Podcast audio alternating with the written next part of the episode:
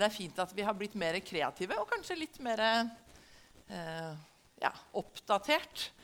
Og utfordre oss sjøl på å bruke nye måter også på både å kunne være sammen og nå ut. Men vi skal altså ha søndagsskole for voksne. Det er jo et kjempefint og spennende konsept, syns jeg. Um, så den, uh, det er på en måte overskriften som vi har satt. Kanskje har du sett uh, den annonsert. Men det er altså Bibelen. Hvorfor i all verden? Og så er det et skriftsted fra 5. Mosebok 32,47. Dette er ikke tomme ord for dere, men selve livet. Så det gleder jeg meg til å snakke litt om den neste lille timen, kanskje. Men før det skal jeg bare si litt mer om meg sjøl. Jeg ser jo flere kjente ansikter her. Men jeg heter altså Marianne. Marianne Synnes Braseth. Og det her det er teamet mitt. Eh, det er jeg som står i midten der, da, hvis du er usikker på det. Eh, så er det mannen min Ståle. Og sammen med han så har jeg jobba på fulltid Ungdom i oppdrag i mer enn 28 år. Eh, så vi jobber med Ungdom i oppdrag Kristiansand på Skjærgårdsheimen ved Flekkerøya. Og vi har leda det senteret i over 21 år. Men vi ga videre lederskapet der nå i august til et fantastisk par som heter Kjartan og Jeanette Kleivseth. Så nå går vi tett sammen med de i en overgangsfase. Eh, og så jobber vi mye med disippeltrening. Vi har to disippeltreningsskoler. Så akkurat nå så er høstskolen de er ute på misjonspraksis i Papua Ny-Guinea, Colombia, Tyrkia, Albania og Thailand. Så bare det å få sendt ut alle de i begynnelsen av januar, det var jo et eh, trosskritt av dimensjoner og en fantastisk sånn, glede av å å kunne få sende unge mennesker ut i misjon. Eh, og det opplevde vi som egentlig veldig viktig. faktisk. Eh, for det er ganske mange unge mennesker som i løpet av de siste to årene har egentlig mista litt troe, eh, troen og håpet på at det liksom er mulig å gjøre ting, for alt blir avlyst. Det er liksom følelsen mange har gått med. Alt blir utsatt. Og vi har fått inn gode rapporter. Nå har de vært ute i tre uker. Mennesker har blitt frelst, mennesker har blitt helbreda. Vi har fått lov til å være med å gjøre praktisk arbeid og velsigne mennesker. Og de skal være ute på team i ti uker. Så det er veldig spennende. Og så har vi en disippeltreningsskole som starta nå eh, 7.1. Eh, ny skole, januar DTS, for første gang, med 23 studenter fra 12 forskjellige nasjoner. Eh, og det også har vært en skikkelig sånn masse bønnesvar på rekke og rad. Og Ei av de som går på skolen hos oss nå, hun er fra Ghana. Eh, og hun har prøvd å komme på DTS i Norge siden høsten 2020. Og så liksom bare venta og venta, ikke gitt seg flytta søknaden til neste skole. Og det er mange som har mye sånn guts på å ikke gi seg på det de kjenner Gud legger på hjertet. Så det er et privilegium å få gå sammen med unge mennesker fra mange forskjellige nasjoner og så se de vokse med Gud. Så det har jeg gleden av å bruke mye av tida mi på. Så jobber jeg ganske mye med forkynnelse og undervisning i forskjellige sammenhenger. Og vi har tre barn. Eh, de begynner å bli nokså store. Eh, han eldste han heter Bendik. Han er 21. Akkurat nå er han på Hawaii, på hovedbasen til Ungdom i oppdrag der, og går på disippeltreningsskole. Så er det Miriam, som snart blir 20, som går på Hedmarktoppen folkehøgskole i år. Og så er det Philip på 16, som går på førsteklasse i videregående. Så det er litt eh, Kan du liksom se for deg litt hvordan, eh, hvor jeg kommer fra? Ellers så har jeg med meg noen bøker fra Proklamedia forlaget til Ungdom i oppdrag. De ligger på et bord bak der. Tok med noen titler som er litt relatert til det vi skal snakke om i kveld. Eh, en bok av Lauren Cunningham, grunnleggeren av Ungdom i oppdrag. 'Bibelen til hele verden nå'. Så Det handler om det å bekjempe bibelfattigdom. Det med å være med å jobbe for å få oversatt Bibelen og spre Bibelen til alle folkeslag, alle folkegrupper, alle språk. Eh, vi er jo enormt velsignet i Norge sant? Med å ha Bibelen tilgjengelig i mange ulike utgaver, til og med. Eh, men det er fortsatt eh, en del språk som trengs å se eh, et gjennombrudd. Men det skjer masse i samarbeid med Wycliffe og ulike organisasjoner som står sammen om dette. Så er det faktisk mulig å utrydde bibelfattigdom i vår tid. Og det er masse spennende som skjer. Så det er egentlig en veldig inspirerende og utfordrende bok. i forhold til det. Og så er det en bok som heter 'Boken som skapte din verden' som er faktisk skrevet av en mann fra India som er kristen, og som har veldig bakgrunn liksom, både i det å forstå filosofi og ting fra ulike kontinenter. Og han ser på det da fra et uten, eh, fra et utenfraperspektiv i forhold til den vestlige verden. Hvordan Bibelen var med å skape vår sivilisasjon. Og hvor utrolig grunnleggende og viktig Bibelen er. Og Andreas Nordli, leder for Ungdom i oppdrag i Norge, han sa det når den boken kom ut, at det mente han var en av de viktigste bøkene for kristne i Norge i dag å lese. faktisk. Fordi den er med også, Det er en skikkelig tjukk bok med mye innhold, eh, men den gir en veldig forståelse av hvor stolte vi faktisk kan være av Bibelen, og hvor mye den har vært med å forme samfunnet som vi lever i. Så er det en bok av Alf Magnus eh, om Hans Nilsen Hauge, som jo også var en som sto opp for Guds ord, eh, og hvordan det har vært med å forme Norge som nasjon. Eh, en veldig bra bok som gir en god analyse av hva Hans Nilsen Hauge har betydd i forhold til det. Og så er det en bok som kom ut like før jul, eh, 'Ringer i vann', av Tonje Haugto Stang som handler om ungdom i oppdrag egentlig i Norge. Ungdom i oppdrag har 50-årsjubileum faktisk i Norge i år. Eh, så det er egentlig en bok som handler om hvordan det startet, og hva som har skjedd gjennom ulike ting når mennesker har vært lydige til å gå på Guds tiltale. Eh, Jens Petter Jørgensen han leste den boka, og så ut på, helt på eget initiativ så la han ut på Facebook-siden sin at den vil han oppfordre alle, alle til å lese, fordi det gir en forståelse både i forhold til mange ting, hvordan nye initiativ og mange ting har vokst fram, gir et bakteppe for mye av eh, ja, Jesus' vekkelse og kristent arbeid som har vokst fram i Norge gjennom de siste 50 åra. Så de ligger bak der. Du kan kjøpe og betale med VIPS, og Hvis ikke du har VIPS, så kan du si fra til meg. Så finner vi en annen løsning. Hvis du kjøper en bok, så er du også med å støtte meg og min familie i tjenesten vi står i i UiO. Fordi vi får en andel av hver bok som vi selger for Proklamedia. Så det var reklamen. Ok? Så bra. Men jeg har gleda meg veldig da, til å få lov til å snakke om Bibelen. For er det noe som jeg er utrolig glad i, eh, så må jeg innrømme at det er den boka her. Altså, kjære tid for en bok. Hæ? Det er jo utrolig hva Gud har gitt oss rett og slett i denne boka her. Det er jo en skatt, vil jeg si. Eh, og hvis du tenker på hvor heldige vi er som har det tilgjengelig. Hvilken utrolig ressurs, hvilken rikdom vi har i Guds ord. Eh, så kjenner jeg at det gjør meg varm i hjertet, da, for å si det sånn. Så jeg har lyst til å be til Gud en gang til. jeg bare. Far, jeg bare takker deg for ditt ord. Jeg takker deg for at ditt ord er levende, at ditt ord er virkekraftig. Og nå bare inviterer vi deg til å komme med din gode Hellige Ånd til å sette ditt lys på ordet ditt, og at du skal både inspirere og utfordre oss til å fylle oss med ditt ord. Jeg ber far om at du skal vekke lengsel og hunger i våre hjerter, i våre tanker, i forhold til å ta til oss av ditt ord, Herre. Ber om at du skal velsigne hver enkelt som er her, sånn som bare du kan. Amen. Ja, Hvorfor i all verden skal vi fokusere på Bibelen? Og Når du kommer liksom på et møte på Nordkirken i Vennesla, så er det jo nokså opplagt at vi heier på Bibelen her. Eh, så jeg håper ikke du er sjokkert over det. Eh, jeg regner med at du er nokså positiv kanskje sjøl i utgangspunktet når du kommer hit. Men det er jo ganske mange som stiller spørsmålstegn ved det om Bibelen egentlig er relevant liksom, i 2022. Er det på en måte greit å snakke høyt og tydelig om Bibelen?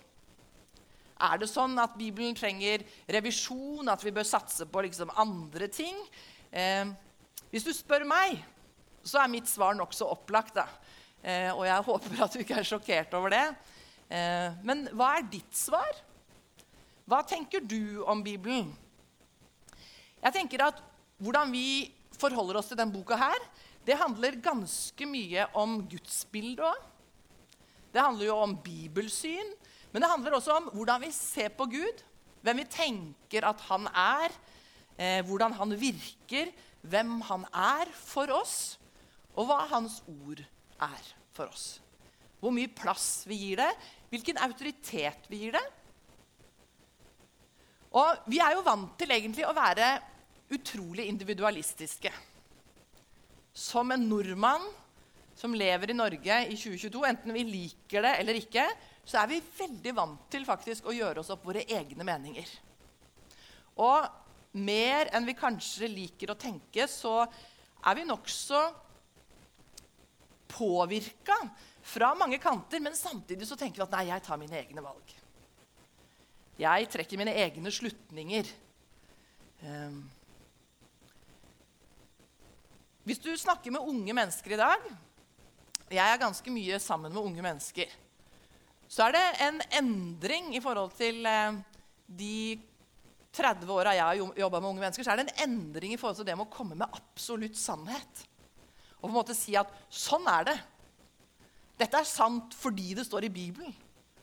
Eller sånn er det bare. Å komme med på en måte sånne absolutter det er ikke like politisk korrekt. Det er ikke like populært. Det er ikke like lett for folk bare å godta. Så jeg tenker at Det er utrolig både interessant og nyttig da, å reflektere over hvilke autoriteter har vi i livet vårt.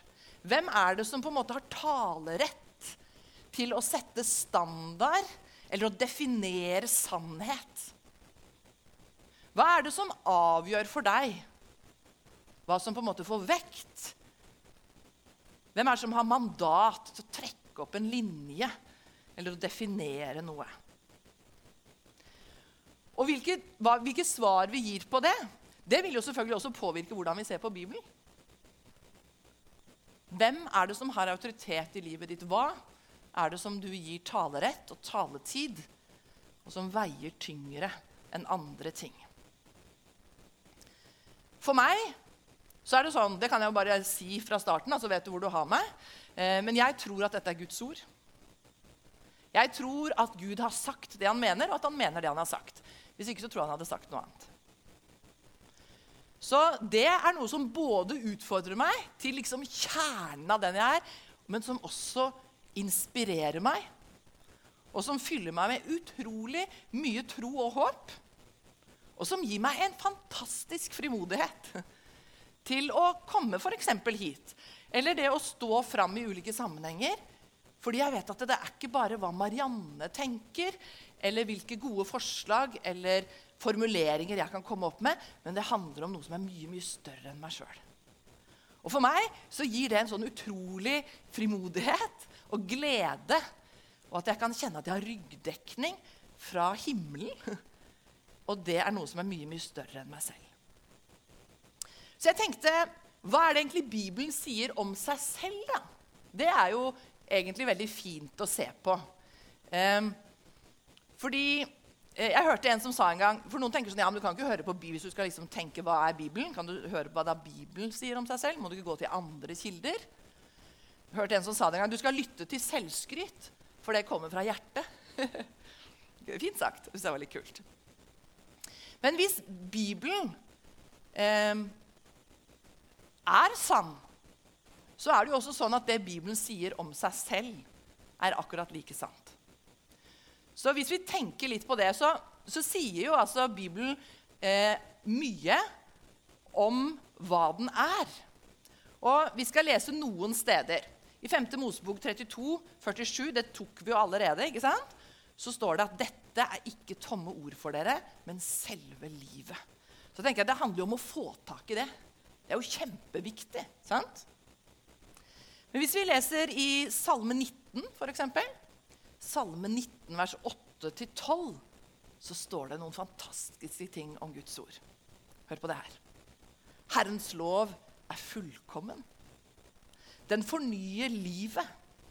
I en annen oversettelse står det 'gir sjelen nye krefter'. Herrens vitnesbyrd står fast. Det gir den uvitende visdom. Herrens påbud er rette. De gjør hjertet glad. Herrens bud er klart.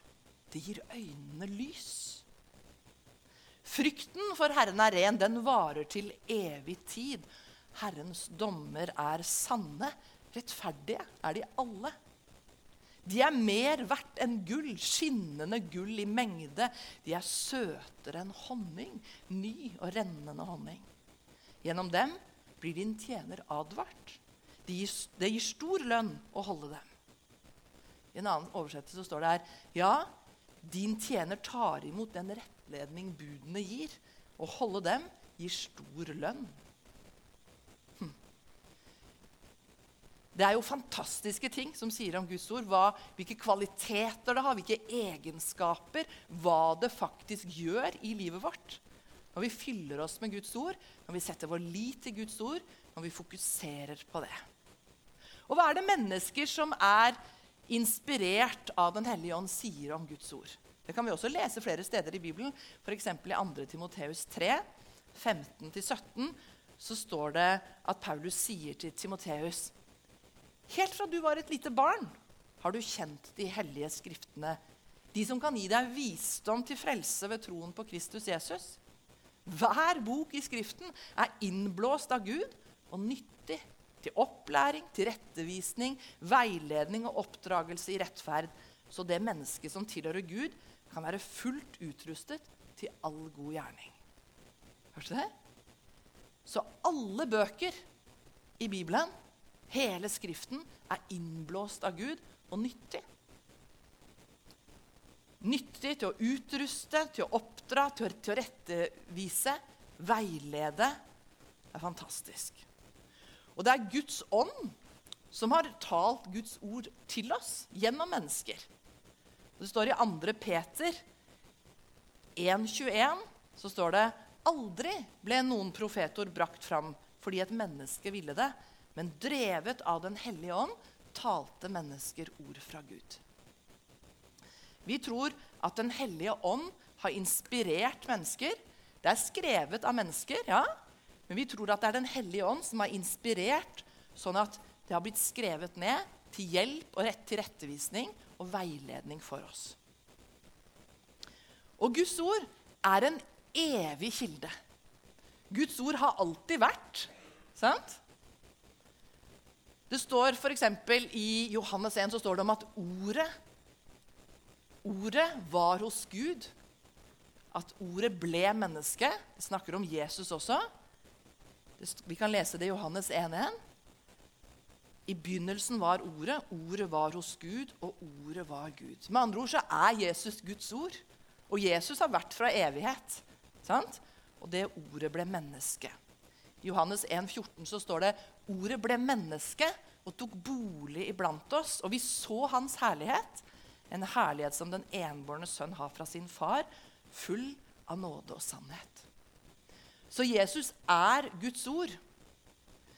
Noen vil kanskje tenke sånn at ja, det er lettere å forholde seg til Jesus. Liksom. Han er kjærlighet, han er god, han er snill. Men Jesus er Guds ord. Han er oppfyllelsen av Guds ord. Han bærer hele Guds ord i seg. Han er både nåde og sannhet. Så vi kan ikke tenke sånn at nei, jeg velger heller Jesus enn Guds ord. Guds ord er Jesus, og Jesus er Guds ord. Så viser han oss hvem Gud er. Og Guds ord er en evig kilde. En e det bærer i seg evig sannhet. I Salme 119, vers 89, så står det I evighet, Herre, varer ditt ord. Det står fast i himmelen. Er ikke det fint? I evighet, Herre, varer ditt ord. Det står fast i himmelen. Så Guds ord går ikke ut på dato. Guds ord er gyldig Guds ord er relevant. Og det er en fantastisk egenskap som Guds ord har. Ved Den hellige ånds kraft, ved hans veiledning, så kan Gud tale til deg og meg. Helt konkret, helt personlig, ut fra den boka her i 2022. Så tenker jeg, kjære Gud, må vi få nåde til å slippe deg til. Til å slippe ditt ord til. Og Det er en bønn som jeg pleier å be til Gud nesten hver eneste dag. Så ber jeg sånn her, kjære Gud, la ditt ord gå løs på meg. For Det står det i Hebreerne 4,12 at Guds ord er levende og virkekraftig og skarpere enn noe tvega sverd. Det trenger igjennom til det kløyver sjel og ånd og marg og bein og dømmer hjertets tanker og planer. Så å be Han om å la liksom at Hans ord skal få gå løs på meg, det har jeg sett at det er en veldig fruktbar bønn. Å invitere Guds ord til å, til å, på en måte gå dypt i livet mitt. Og slippe til det åndens sverd, som Bibelen sier at Guds ord er, som kan trenge gjennom alt mitt eget og komme inn til kjernen av hvem jeg er, med hans sannhet.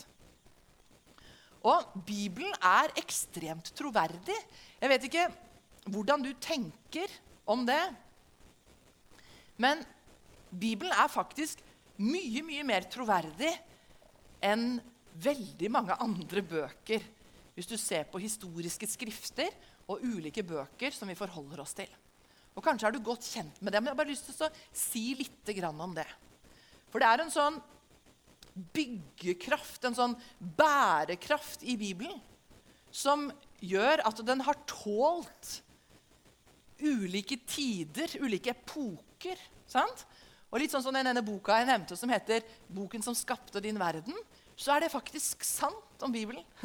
At den har stått gjennom ulike regimer, ulike tider, og vist seg gang på gang da, til å være relevant og til å tåle mye, mye mer enn alt annet, egentlig. Så Bibelen er jo utrolig eh, troverdig. Og hvis vi, hvis vi ser litt på det, hva er det som gjør Bibelen så troverdig? For noen vil jo kanskje stille spørsmålstegn med hvordan kan vi liksom gi en bok autoritet. Hvordan kan en bok være hellig? Hvordan kan Guds ord på en måte finnes mellom to permer, egentlig? Og Vi rekker jo ikke å si så masse om det på noen minutter, men jeg har lyst til å bare nevne noen sånne korte overskrifter. egentlig. Og Det ene er jo det som vi kaller for utenomբibelske kilder. Hvis du ser på andre kilder enn Bibelen som bekrefter Bibelens innhold Og det kan være i forhold til eh, hva som gjør det troverdig i forhold til andre kilder som eh, bekrefter de samme hendelsene, eh, de samme utsagnene, samme lære, eh, ulike fakta i forhold til personer som, er, som vi møter i Bibelen osv., så, videre, så er det veldig mange andre kilder som bekrefter det samme som vi finner i Bibelen. Og de hendelsene og ting som blir omtalt i Bibelen, det finner vi også utrolig tidlige kilder på. Altså tidlige vitnesbyrd om de tingene som skjer. Mange ting som vi har i historiebøker og fakta, de er ikke nødvendigvis skrevet ned så nært i tid. Men i forhold til Bibelen så finnes det veldig, veldig mange kilder som er skrevet ned veldig tett opp til de faktiske hendelsene. Hvis vi tenker på f.eks. Cæsar, som jo er en historisk person, så er det ca. 1000 år etter Cæsar at de første kildene om han faktisk ble nedskrevet. Det hadde bare vært muntlig overlevering. Eh, mens trosbekjennelsen som vi har i forhold til hvem Jesus var, hva han gjorde, så har vi de første trosbekjennelsene nedskrevet allerede 35 år etter Kristus. Deler av Det nye testamentet er skrevet ned allerede 50 år etter Kristus. Hele Johannesevangeliet er fra bare 130 år etter Kristus. Ser du det? Så det er veldig veldig stor nærhet i tid i forhold til andre historiske personer eller hendelser som vi liksom tester, fester stor lit til. At ja, men dette er jo fakta så er det sånn at det er mye større nærhet til de faktiske hendelsene i Bibelen, som også gjør det veldig troverdig, fordi at det var fortsatt øyenvitner og slektninger av øyenvitner som levde og som var til stede, og som kunne korrigere det som faktisk ble nedskrevet. Så er det også sånn at eh, hvor mange antall vi har av de ulike manuskriptene, er, det er, altså det er så overveldende mye i forhold til andres, andre kilder. Nå nevnte jeg det med Julius Cæsar. Så la oss se på det. da. Det finnes omtrent ti kilder, nedskrevne ulike kilder, som omhandler livet til Julius Cæsar. Eh, en annen som på en måte er den mest anerkjente romerske historikeren fra antikken, en som heter Tacitus, eh, om han finnes det kanskje 20 manuskripter. Mens fra Nytestamentet så finnes det mer enn 24 000 ulike manuskripter med nedskrevet fra eh, Nytestamentet. Og de er så samsvarende. Det er ikke sånn at liksom, det er helt forskjellig. Nei, det ene manuskriptet bekrefter det andre. Og de hadde jo en utrolig høy stolthet i forhold til det å overlevere riktig, både muntlig, den muntlige tradisjonen, men når de da begynte å skrive ned, så var de ekstremt nøye på at de skulle skrive likt. Og det var kjempedyrt med bare med papyrus og de tingene de skrev på. Så de hadde ikke mulighet til å sløse. ikke sant? Så de, de brukte all plassen, og de skrev ned og var kjempenøye med at de ikke skulle gjøre feil. Og det er så utrolig samsvar da, mellom alle disse ulike 24 000 tidlige manuskriptene man har. sånn at de små feilene som er 75-85% av de forskjellene som er, det er bare sånne bitte små skrivefeil. Si f.eks. som at Johannes var skrevet med én N istedenfor med to i ett manuskript i henhold til et annet. Så det er utrolig troverdig. Vi har ikke tid til å gå inn på dette, men dette, her, dette her er veldig sånn som underbygger troverdigheten til Bibelen. Da, I forhold til annet skriftmateriale som fins som andre ting. Så er det det som jeg nevnte med øyenvitners bevis. At det, det var øyenvitner som var så nær i hendelsene og det som også man kaller for de smertefulle bevisene. Eh, det var mennesker som var villige til å gå i døden for det som Bibelen beskriver, og disse tingene som ble skrevet ned. Og det gjør det veldig troverdig. Fordi hvis de visste at dette var oppdiktet eh, løgn og fantasi, så hadde de jo ikke gått hele veien i forhold til det. Så det er også sånn som gjør dette veldig eh, sannsynlig. Det er også veldig mye historiske og geografiske detaljer som kommer fram i Bibelen, og som arkeologi og utgravninger på en måte har underbygget mer og mer. Eh, det at det er med så mye detaljer, både historisk og geografisk, det også viser at det ikke bare er myter, men at det kan faktisk knyttes opp mot helt konkrete hendelser, mot helt konkrete steder og helt konkrete personer. Og så er det da arkeologiske bevis som har vært med å underbygge også ting som han har stilt spørsmålstegn ved. Så har det vært med også på en måte å gjøre det mer eh, troverdig. At de har gjort utgravninger som har funnet ting som da beviser eh, nye ting som skjer. For så er det dette med Betestadammen og Siloadammen som det står om. Så var det mange som lenge mente at det var ikke riktig, for det fantes ikke disse søylene som står beskrevet. Og så gravde de mer, og litt lenger, litt, bare litt lenger bort enn der de hadde gravd. Og så plutselig fant de alt sammen. Um, så det er mange sånne ting som har skjedd. da. En annen ting som gjør Bibelen veldig troverdig, det er at det er så utrolig mange ærlige vitnesbyrd. Nesten litt sånn flaue vitnesbyrd. Det er ikke liksom opptatt av å skape sånn heltestatus. Når man skriver om disiplene, f.eks., så er det eh, veldig ærlig. Om Peter, for eksempel, som jo var en av de store lederne i den første kirke, så blir det skrevet helt brutalt ærlig om hvordan han svikta. Hvordan han fornekta troen. Eller om kong Davids utroskap. Hvordan han eh, drepte en mann eh, for å prøve å dekke over utroskap. Og Sånne ting ville man aldri tatt med i andre kulturer eller i andre sammenhenger. Si f.eks. alt det som skjedde når israelfolket skulle gå ut av Egypt og alle plagene og hvordan det eh, var, satte farao i et ekstremt dårlig lys, det har gjort at det finnes ikke nedskrevet i egyptisk kulturs historie. Fordi det var sånn de gjorde, at Hvis det var en farao som hadde nederlag, så tok de det vekk fra historiebøkene. Det ble slettet fordi det var en så stor vanære. Eh, og Det kan du sjekke med egyptiske historikere. at liksom, Det er ikke noe de lurer på engang. At ikke det er kilde på det. Nei, nei, det er fordi det er altfor skambelagt. Men sånn er Bibelen veldig troverdig. At de forteller både eh, det som gikk feil, og det som gikk bra. Det er ikke bare heltehistorier. Så er det også en utrolig sånn sammenheng eller koherens gjennom de ulike sidene i Bibelen. Altså, dette er jo 66 bøker. Mer enn 33 forfattere. Eh, skrevet ned en periode, gjennom en periode på mer enn 1600 år. På tre språk, i flere ulike land og allikevel så er det én historie. Likevel så er det en rød tråd, det er en sammenheng helt fra første Mosebok til åpenbaringen. Det finnes mer enn 300 profetier om Jesus alene. Du kan finne Jesus i hver eneste bok i den bibelen her.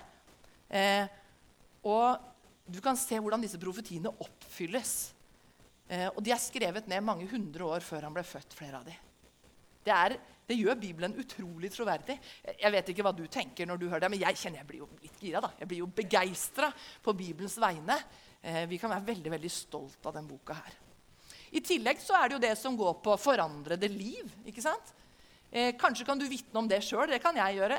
Hvordan Bibelen har vært med å skape det den sier. Sant?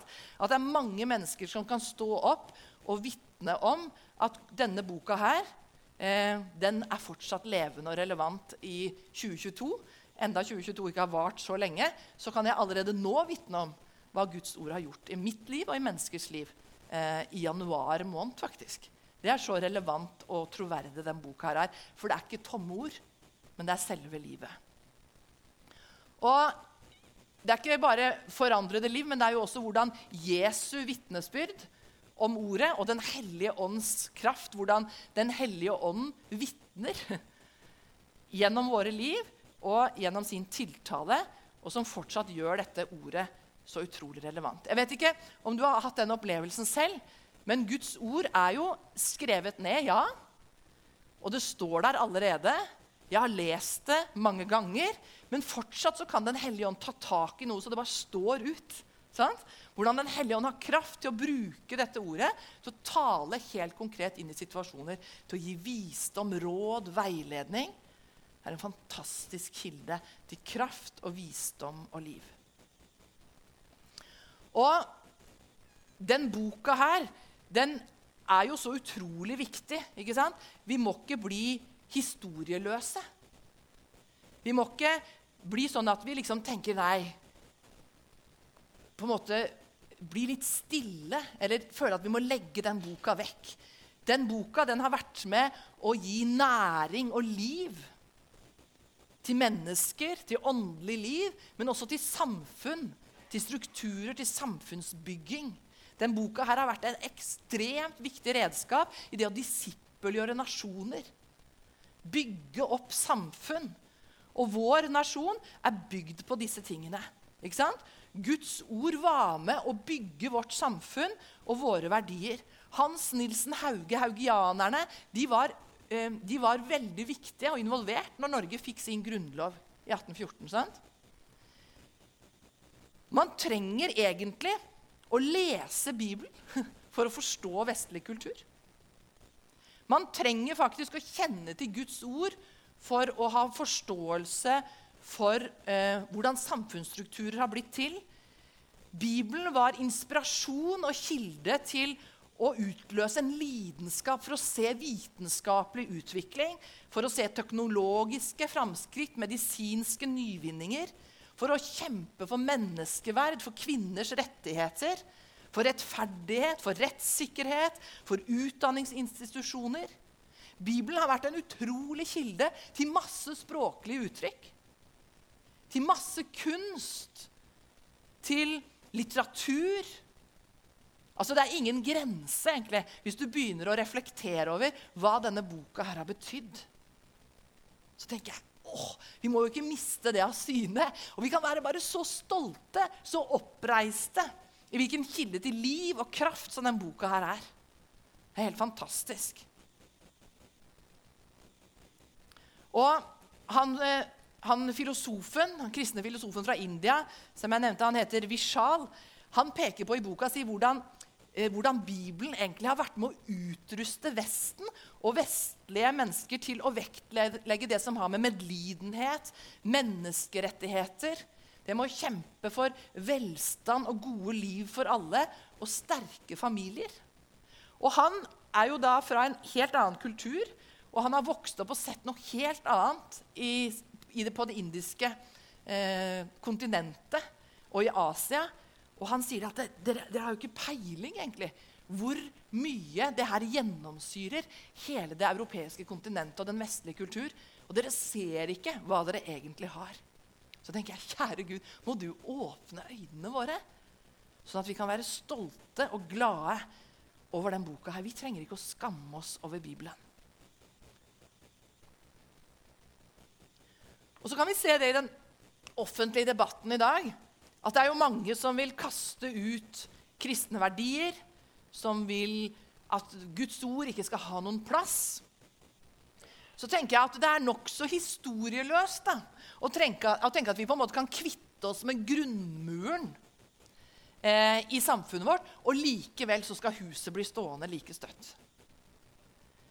Det er ganske mye historieløshet i Norge i dag som ikke egentlig kjenner til hvordan Guds ord har vært med å bygge grunnlaget og forutsetningene for den velstanden som vi ser.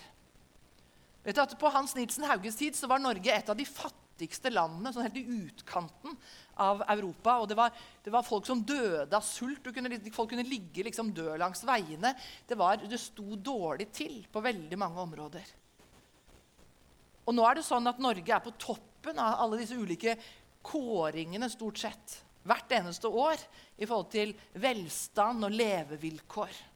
Og så glemmer folk hele det konseptet om hva Guds velsignelse faktisk gjør. I ordspråkene 1022 i ordspråkene 1022 så står det det er Herrens velsignelse som gjør rik. Eget strev legger ingenting til. Og jeg tror at vi, eh, vi skal ikke glemme hva egentlig Guds ord har vært med å gjøre. Eh, og hvilken velsignelse vi fortsatt høster i landet vårt pga. generasjoner som gikk foran oss, og som bygde på Guds ord. Og Det er veldig mange som egentlig ikke kjenner så godt til Bibelen. Og mange kristne også, som egentlig ikke har lest hele Bibelen. og Jeg vet ikke hvordan forhold du har til det. Um, det er veldig mange som ikke leser Bibelen i sammenheng, og kanskje bare bruddstykker her og der. Og Allikevel er det veldig mange som mener veldig mye om Bibelen, og som bruker Bibelen til å argumentere både for det ene og det andre. Du vet at Hvis du skulle anmelde en bok, så er det fryktelig vanskelig å anmelde en bok hvis du ikke har lest den. Og jeg har tenkt på det noen ganger. Hvilken annen bok? Det er jo ingen annen bok som vi ville behandle på en sånn måte. At vi liksom bare ville åpne opp et tilfeldig sted og så lese et lite avsnitt. Så jeg, jeg har ingen mening, jeg skjønner ikke noe. Og så tenker jeg, jeg skal gi den boka en sjanse til. Da. Så lukker du opp et eller annet sted og leser en setning der òg. Kjære til dårlig bok så legger du liksom vekk. Og nå trekker jeg det jo litt sånn til en ytterkant her, men det er faktisk sånn vi mange ganger kan behandle Bibelen. Fordi at vi kan lese ting som er liksom løsrevet fra en sammenheng. Og så tenker vi nei, dette gir jo ingen mening. Jeg skjønner ikke noe av det. Jeg tror at Gud har gitt oss sitt ord med en intensjon om at vi skulle lese denne boka, her, at vi skulle bruke denne boka. At den skulle være en kilde til liv, til visdom, til utrustning, til kraft, til inspirasjon. Vet du at denne boka her, Det er jo en håndbok for livet. vet du. Det er en bruksanvisning på det å være menneske. Det er et kjærlighetsbrev fra universets skaper. Det er jo helt fantastisk. Og så har han gjort det mulig for oss da, å ta del i hans visdom. Han har gjort det tilgjengelig for oss. Og så er det én bok og samtidig 66 ulike bøker. Og det er ulike sjangere. ikke sant? I denne boka her har du historiske bøker. Du har, du har eh, lignelser. Du har profetiske bøker. Du har salmer. Du har, du har eh, på en måte skrifter som snakker om endetiden. Du har ordspråk, du har etterlister. Masse ulik type litteratur. Og da er det jo viktig å tenke gjennom det at hvis vi leser ulik type litteratur, så vil vi jo lese det på ulike måter. Du må ha på deg litt ulike briller. sant? Si hvis du, hvis du skal lese noe om hjertet, da, så er det jo nokså nokså stor forskjell om du får en bok som er skrevet for en hjertekirurg. Som på en måte beskriver hjertet ut fra medisinsk terminologi. Og som forklarer hvordan du skal forholde deg til hjertet i forhold til at du skal operere det. Eller om du leser en, eh, en roman om hjertets mysteriske eh, veier. Sant? Om du leser en tekst til en poplåt som snakker om hjertet Eller om du leser en refleksjon som noen har skrevet om det vil, hva, hva, det vil si å ha vondt i hjertet. Ikke sant? Så Derfor så må vi også ha det for øye når vi leser Bibelen. Hva slags type litteratur leser jeg nå? Er dette poetisk? Eller er det fakta? Er dette en historisk bok? Eller er det en poetisk skildring? Er du med? Og så I tillegg så må vi jo tenke hvilken stemme er det jeg hører nå? For Det er ikke sånn at alt det som du leser i Bibelen, er Guds stemme. Ja, Det er Guds ord. Men er det Gud som taler, eller er det et menneske? Er det Guds fiende? Hvilken stemme er det? For vet at Hvis du bare tar et vers helt sånn løsrevet, så kan du få Bibelen til å si nesten hva som helst. Det er en oppgave som vi har gitt noen ganger til elever på noen av bibelskolene. i Ungdom i oppdrag. Det er sånn, sånn at de bare får eller annen, eh, et eller annet statement, altså vi, en eller annen uttalelse. Og så de, får de oppgave å finne noen bibelvers som kan liksom underbygge det, den uttalelsen. Og du kan faktisk få Bibelen til å nesten underbygge hva som helst hvis du tar ting som er helt løsrevet fra sammenhengen. Og det kan vi tenke, det er jo litt skremmende. Ja, Men det viser jo hvor viktig det er å lese Bibelen i sammenheng. Og se hvem er det som sier dette. Og hvis det er et menneske som sier det, er det da en som har åpenbaring fra Gud? Eller blir det brukt som et eksempel på en som er en dåre? En som er på avveier? Skjønner du? Jeg har lyst til å oppmuntre dere og utfordre dere litt her i Nordkirken i kveld i forhold til å tenke på det og lese Bibelen i sammenheng. Og jeg brenner veldig for det. Jeg tror det er så ekstremt viktig at vi fyller oss med Guds ord. Det blir bare viktigere og viktigere i de tider som vi lever i. Jeg tror at vi lever i de siste tider. Jeg tror at Jesus kan komme igjen i vår generasjon, at vi kan fullføre misjonsbefalingen. Det er i hvert fall helt sikkert at vi lever mye nærmere det enn noen noensinne har gjort før oss. Men jeg tenker at vi trenger å fylle oss med sannheten og kjenne Guds ord. Og det er faktisk sånn at de aller fleste bøkene i Bibelen tar det mindre enn 30 minutter å lese i sammenheng. Jeg vet ikke hvor mye tid du bruker på å lese avisen eller å være på skjerm eller på ulike sosiale eller digitale medier i løpet av en dag. Men det tar mindre enn en halvtime å lese de fleste bøkene i Bibelen. Hvis du leser Bibelen høyt, så tar det med sånn gjennomsnittlig lesehastighet så tar det 80-85 timer å lese gjennom hele Bibelen høyt. Og 20-24 timer å lese Det nye testamentet. Hvis du leser stille og er en sånn nokså rask leser, så kan du lese Bibelen på kanskje 50 timer. Det betyr at hvis du leser mindre enn ti minutter om dagen i Bibelen i ett år, så har du lest hele boka. Jeg bare gjør det litt sånn konkret, for det er ofte så sier vi, at det er så utrolig mye. Hvordan skal jeg komme meg gjennom det her? Og det er mye.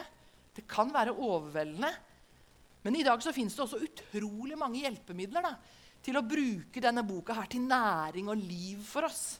Sant? Det fins studiebibler, det fins ulike undervisningsopplegg, sånn som Bibelkveld, for eksempel, som vi kjører i Kristiansand, hvor du går igjennom én bok hver kveld. Det fins podkaster, det fins leseplaner. Det fins noe som heter The Bible Project. Det er, eh, og det holder på å bli oversatt til norsk, så det er flere og flere bøker nå som er på norsk. Men det er rett og slett på nettet så er det en tegnefilm om hver eneste bok i Bibelen. Alt fins på engelsk, og det begynner å finnes mer og mer på norsk. Du kan se liksom en film på fem til ti minutter som går igjennom hele altså kongebøkene, f.eks.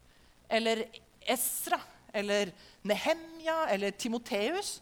Og så får du en forklaring av hva handler denne boka om. Hvem ble den skrevet til? Hvorfor ble den skrevet? Skjønner du? Og Det kan være kjempehjelp å se en sånn kortfilm før du kanskje leser boka sjøl. Fordi det hjelper deg til å forstå. Og jeg vil påstå det da, at Jo mer jeg lærer om denne boka, her, jo mer interessant blir det faktisk å lese den. Det er min erfaring. i hvert fall. Jo mer jeg oppdager, jo mer er det faktisk å finne. Det er jo veldig kult.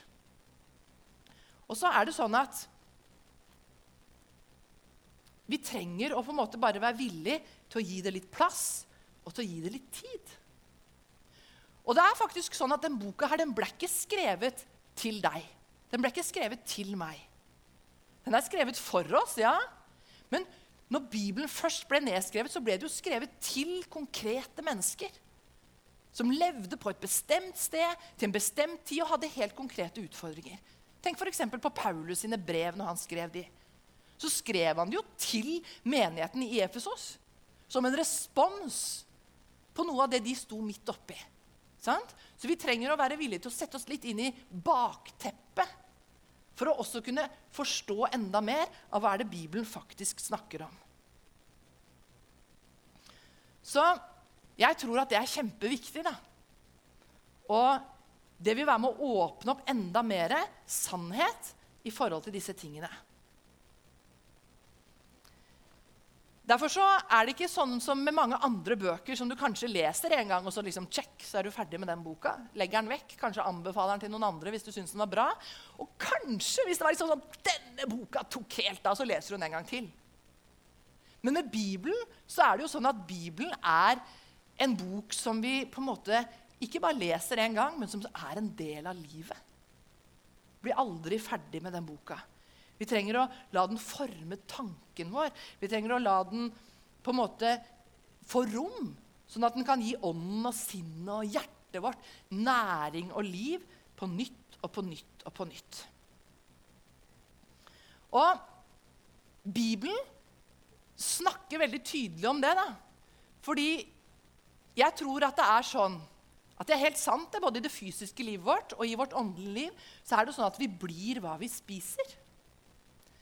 Jeg vet ikke om du har tenkt på det, men i Matteus 4,4 så sier Jesus rett ut så sier han det at mennesket lever ikke av brød alene, men av hvert ord som kommer fra Guds munn. Og hverdagskosten er jo det viktigste. Er det mange av dere som har spist frokost i dag? Ja? Frokost? ja.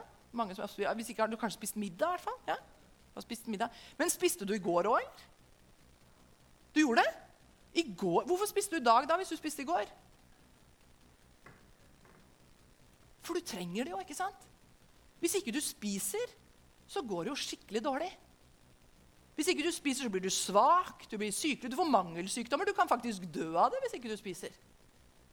Og hvis ikke du spiser, så blir du veldig lav på energi. Jeg vet ikke hvordan det er med deg, men jeg blir litt vanskelig å ha med å gjøre altså, hvis jeg ikke har spist så mye. Jeg blir litt mer irritabel. Sant? Litt mer sånn derre. Jeg kan ta litt dårligere avgjørelser. Jeg blir ikke så grei å være rundt. Og så tenker jeg, Sånn tror jeg faktisk det er i forhold til vårt åndelige liv også. Sant? Hvis vi ikke fyller oss med Guds ord, hvis ikke vi har spist åndelig sett, så blir vi svake. Vi får dårlige muskler, liten kapasitet. Vi får mangelsykdom. Vi kan faktisk dø av det. Og hvis du har vært rundt eh, kristne som er lave på energi, da, åndelig sett, så er det litt vanskelig å ha med å gjøre. De blir litt sånn grinete og vanskelig og kan reagere litt pussig. Ja. Det er ikke så balansert og fred og, fred og glede. Ja, Det er noen som skjønner hva jeg snakker om her. Og så er det viktig å spise variert og sunt. Eh, en gang som vi var på outreach på Filippinene, så var vi i en by som het Olongapo. og så var vi i et fengsel og hadde møter der. Og alle fangene var liksom ute i, i, i hva heter det for noe? Fangegården, liksom. Og så ble de sendt tilbake på cellene. Og så fikk vi lov til å gå liksom, fra celle til celle og snakke med dem. Og så kom jeg inn i cella til ei lita filippinsk dame som het Rosa. Og så la jeg merke til at hun hadde en bibel oppå hylla der.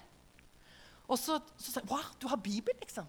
Ja, Så viste det hadde vært et team fra USA der som hadde delt ut bibler. Så hun hadde fått en bibel. Og hun var nok eh, en litt enkel dame, hvis jeg kan si det sånn. Og kanskje ikke den skarpeste kniven i skuffen. Og så, og så sa jeg til henne 'Leser du Bibelen?' 'Ja, ja', sa hun. 'Ja, hva leser du, da?' 'John 3,16', sa hun. Johannes 3,16. Liksom, ja, hvorfor det? Nei, fordi når de hadde gitt henne Bibelen, så hadde de liksom lukket opp og sagt 'Read John 3,16'. Så det hadde hun gjort. Hun hadde gjort det flere ganger også. Ja. Og så kan man tenke litt sånn Ja, det var jo kanskje ikke så smart. Men så tenker jeg, det er jo sånn mange ganger vi lever også, med Bibelen. At vi har noen sånne favorittvers. At vi leser Johannes 3, 16, eller Stefania 3, 17, eller Filipperne 4, 4, eller Salme 23. Eller, og det er kjempebra, det. Men det er jo utrolig mye mer. Ikke sant? Og når du spiser Nå har jeg faktisk rukket å bli 50 år. Ja, Det hadde du ikke trodd. ikke sant? Takk skal du ha. Men det har jeg faktisk. Og jeg har spist hele livet. Det hadde du kanskje heller ikke trodd, men det har jeg faktisk. Og så er det jo sånn at det er ikke så veldig ofte nå lenger at jeg spiser noe som jeg aldri har smakt før. Det er ikke sånn at når jeg spiste en, en skive i morges eh, med egg, faktisk, for det er jo søndag, sant? så var det sånn Sånn gastronomisk kick av en annen verden. Liksom, at Det bare slo inn i alle sansene. Og, og jeg liksom tok helt av på innsiden. liksom, Kjære tid, for en opplevelse å spise frokost! Det var jo ikke sånn. Det var helt greit. Og mange ganger når jeg har spist frokost eller middag, så husker jeg nesten ikke etterpå hva var det egentlig jeg spiste. Men så en sjelden gang så er det liksom fest, eller man lager noe man ikke har smakt før. Eller når jeg har vært på reise i andre land, i misjon, så plutselig spiser du noe du aldri har smakt før. Men det er jo ikke sånn at jeg slutter å spise fordi jeg tenker, nei, dette har jeg jo smakt før. Det er jo helt uinteressant å spise en gang til. Det går jo ikke, det. Så tenker jeg, sånn er det jo med Guds ord. sant? Jeg har lest den boka her mange ganger. Fordi jeg har vært overgitt til å lese gjennom Bibelen en gang i året. I mange, mange år. Og Det er sånn at det er aldri sånn at jeg leser noe jeg ikke har lest før. Og veldig mange ganger når jeg leser, så er det, det er greit. sant? Jeg vet at jeg fyller meg opp med sannhet. med Gud. Og noen ganger pof, så slår det inn.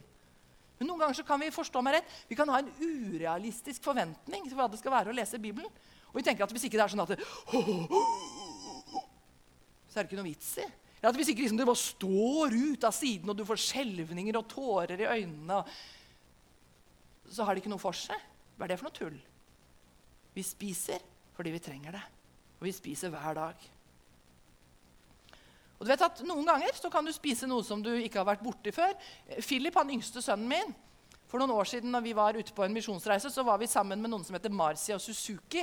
Eh, de er fra Brasil, og de har jobba masse inne i Amazonas blant unådde folkegrupper. De er professorer i lingvistikk. Eh, så de har drevet med bibeloversettelse og lage språk for stammer som ikke har språk, eh, sånn at de kunne oversette Bibelen. Og så spurte Philip jeg tipper Philip var bare sånn åtte år, eller noe sånt da, så spurte han Suzuki. Han er veldig kul, altså. Han er skikkelig rå. Så spurte han han, hva er det rareste du har spist noen gang. Så tenkte han seg om litt, og så sa han ja Nei, det er nok kanskje edderkopprumper dyppet i kyllingblod. Så tenkte jeg ja, da har jeg fortsatt en vei å gå i forhold til en del ting jeg ikke har smakt. Og det er kanskje helt greit også. Jeg tenker, Hvor store er de, de edderkoppene når du liksom snakker om bare edderkopprumper? At du liksom tar ut de bare for å spise. Så vi kan oppdage nye ting, vi kan erfare noen nye smaker, men veldig ofte, og kanskje oftest, så vil vi spise ting som vi har smakt før. Så jeg bare sier det. La oss fylle oss med sunn, næringsrik mat fra Guds ord. Og spise fulle måltider og bygge muskler. For det er helt sant sånn som Guds engel sa til Elia i første kongebok 1907 når han hadde mista motet litt, så vekket Guds engel han, og så sa han, 'Stå opp og spis, ellers blir veien for lang for deg.' Vi trenger å bygge muskler, vi trenger å sette opp en meny. Og i Esekiel 3, vers 1-4, så sier Gud til Esekiel, 'Menneske, spis det du finner. Spis denne rullen.' Altså Guds ord. Gå så og tal til Israels hus. Da åpnet jeg munnen, og han lot meg spise rullen. Han sa, 'Menneske, mett din mage og fyll dine innvoller med denne rullen som jeg gir deg.' Da spiste jeg den, og den smakte søtt som honning. Så sa han til meg, 'Menneske, gå til Israels hus og tal mine ord til dem.' Så vi trenger å fylle oss med Guds ord, eh, fordi Guds ord er en utrolig kilde til visdom og rettledning. Og når jeg var liten, så eh, skjedde det noe som på en måte markerte livet mitt på en utrolig viktig måte. Eh, for min far han er død nå, men han var teolog. Og han jobbet nesten hele sitt yrkesaktive liv på Menighetsfakultetet. Og han var førsteemanuensis i Det nye testamentet. Han var sånn som hadde med seg liksom gresk Nytestamentet på møtet og så sjekket grunnteksten når de leste. Det er nokså kult, egentlig. Synes jeg da. Og når jeg var sånn seks-sju år gammel, så begynte jeg å oppdage og skjønne liksom hvor mye pappa kunne da i den boka. her. Den der utrolig tjukke boka med bare masse bokstaver og ingen bilder. liksom. Og så begynte Jeg å leke. Jeg var litt tidlig til å lese. Og så begynte jeg å leke noen sånne leker med pappa. At jeg bare åpna Bibelen et eller annet sted i Det nye testamentet, og så leste jeg en setning. Og så, så, tenkte pappa seg litt om, og så sa han ja, nei, det er jo når Paulus underviser romerne. Det er jo i kapittel eh, fire. Det er vers eh, sju, er det vel. Og så stemte det. vet du. Det stemte. Og så gjorde jeg det liksom igjen og igjen, og jeg ble ekstremt fascinert. Og så sa pappa noe som har, betyd, har et utrolig betydning for livet mitt. For han sa du kan bli like godt kjent i den boka, Marianne. Og så trigga det noe i meg. Da. Kanskje har det noe med konkurranseinstinktet mitt å gjøre. jeg skal ikke si at det kan være helt uaktuelt. Men da ble jeg sånn Yes! Jeg skal bare lære meg den boka her. Altså. Og så tok jeg en bestemmelse da, som en sånn seks og et halvt, sju år gammel jente om at jeg skulle bare lese den boka her. Og så begynte jeg med det, og målretta lese Bibelen, og har aldri slutta med det siden. Og for meg så har det blitt en sånn utrolig kilde da, i livet mitt. Og jeg merker bare hvordan Den hellige ånd gir meg råd med sitt ord. At det er en kilde til liv, til visdom, til rettledning. Når jeg snakker med mennesker, når jeg ber, når jeg preker, bare i hverdagslige situasjoner, så løftes Guds ord opp i meg som råd og veiledning i livet mitt. Og når Jesus advarte de skriftlærde om at de var på ville veier, så sa han det i Markus 12, 24. Så sa han, 'Dere fare vil. Og skjer ikke det fordi dere verken kjenner Skriftene eller Guds makt? Sånn? At vi trenger å kjenne både Guds ord og Guds makt, altså Den hellige ånd. Vi trenger både Guds ord og Den hellige ånd for ikke å fare vill. Og I Salme 119, vers 18, så står det en fantastisk bønn som lyder sånn her. Åpne øynene mine, så jeg kan se det underfulle i din lov. Så tenker jeg Det er en bønn som jeg trenger å be, og som kanskje du trenger å be også. At Den hellige ånd skal åpne øynene våre, så vi virkelig kan se rikdommen og alt det underfulle som finnes i Guds ord. For det er sånn at Guds ord lærer oss faktisk den veien vi skal gå. Og Salme 119 er jo en, det er jo lengste, det lengste kapittelet i hele Bibelen.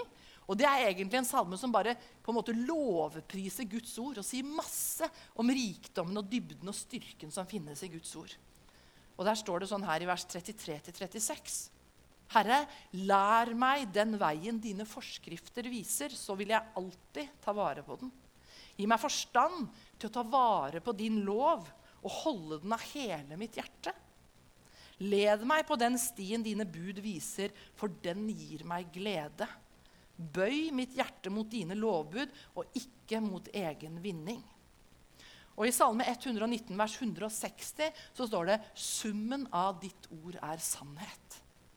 Og Det er jo også noe med viktigheten av det å ikke bare forholde oss til Guds ord som løsrevne setninger eller sitater, men hvis du skal få riktig svar hvis det er noen av dere som er litt inne i matte, sant? hvis du skal få riktig svar på et mattestykke, så må du ha med alle leddene.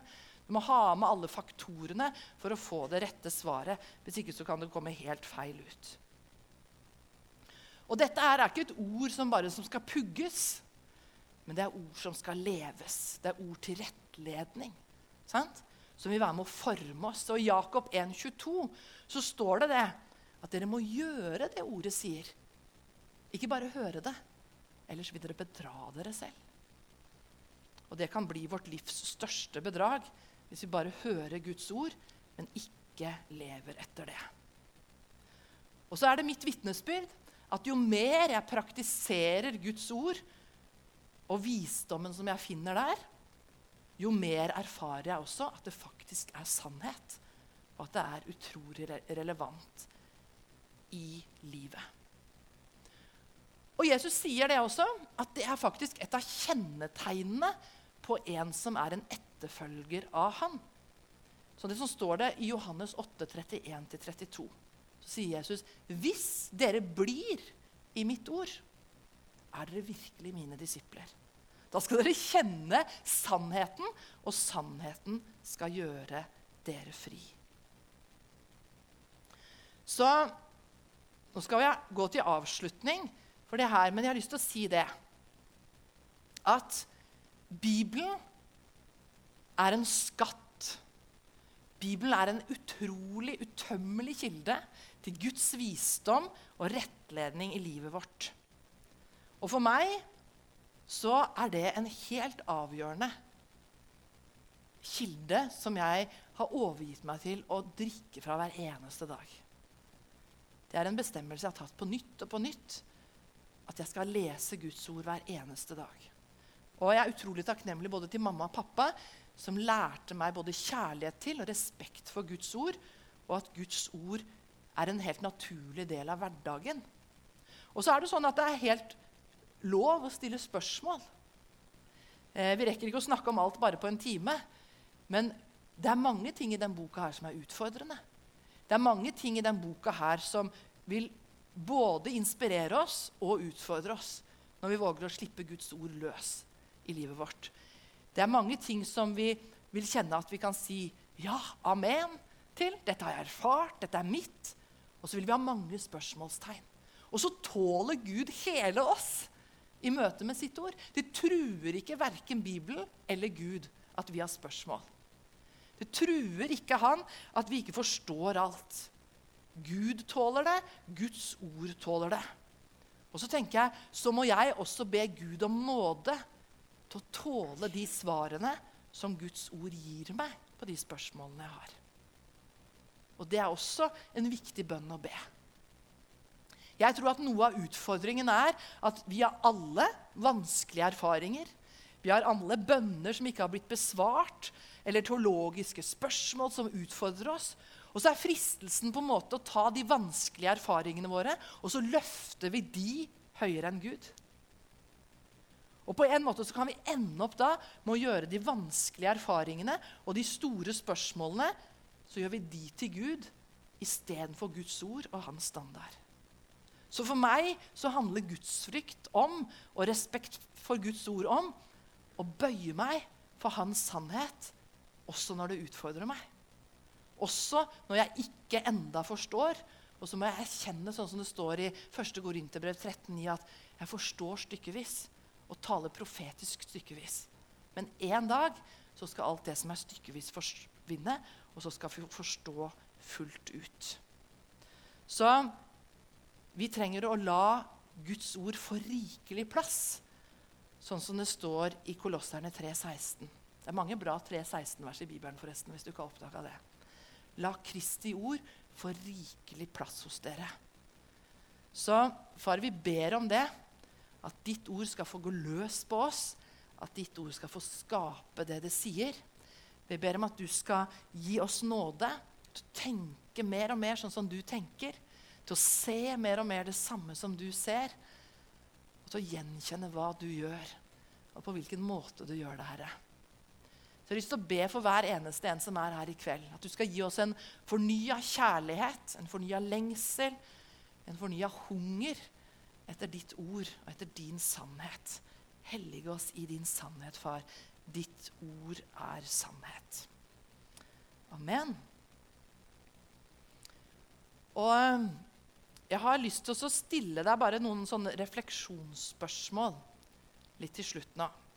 Ehm, jeg har forstått at Vanligvis er egentlig konseptet at det er grupper på en kveld som denne. Men litt av hensyn til smittesituasjonen og sånn, så skal det ikke være grupper i dag. Men vi har lyst til å bare ta litt tid til refleksjon. Og da er det mange spørsmål vi kunne stille oss.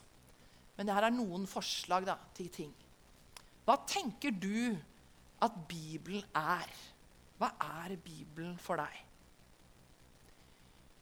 Og så det, kan det være fint å reflektere litt over hva leser du i Bibelen? Eller hvordan leser du i Bibelen? Jeg gjør det for sånn at jeg leser alltid både i Det gamle og Det nye testamentet samtidig. Fordi det er lett å gå på en smell hvis du begynner fra begynnelsen og tenker nå skal jeg bare lese igjennom. Altså.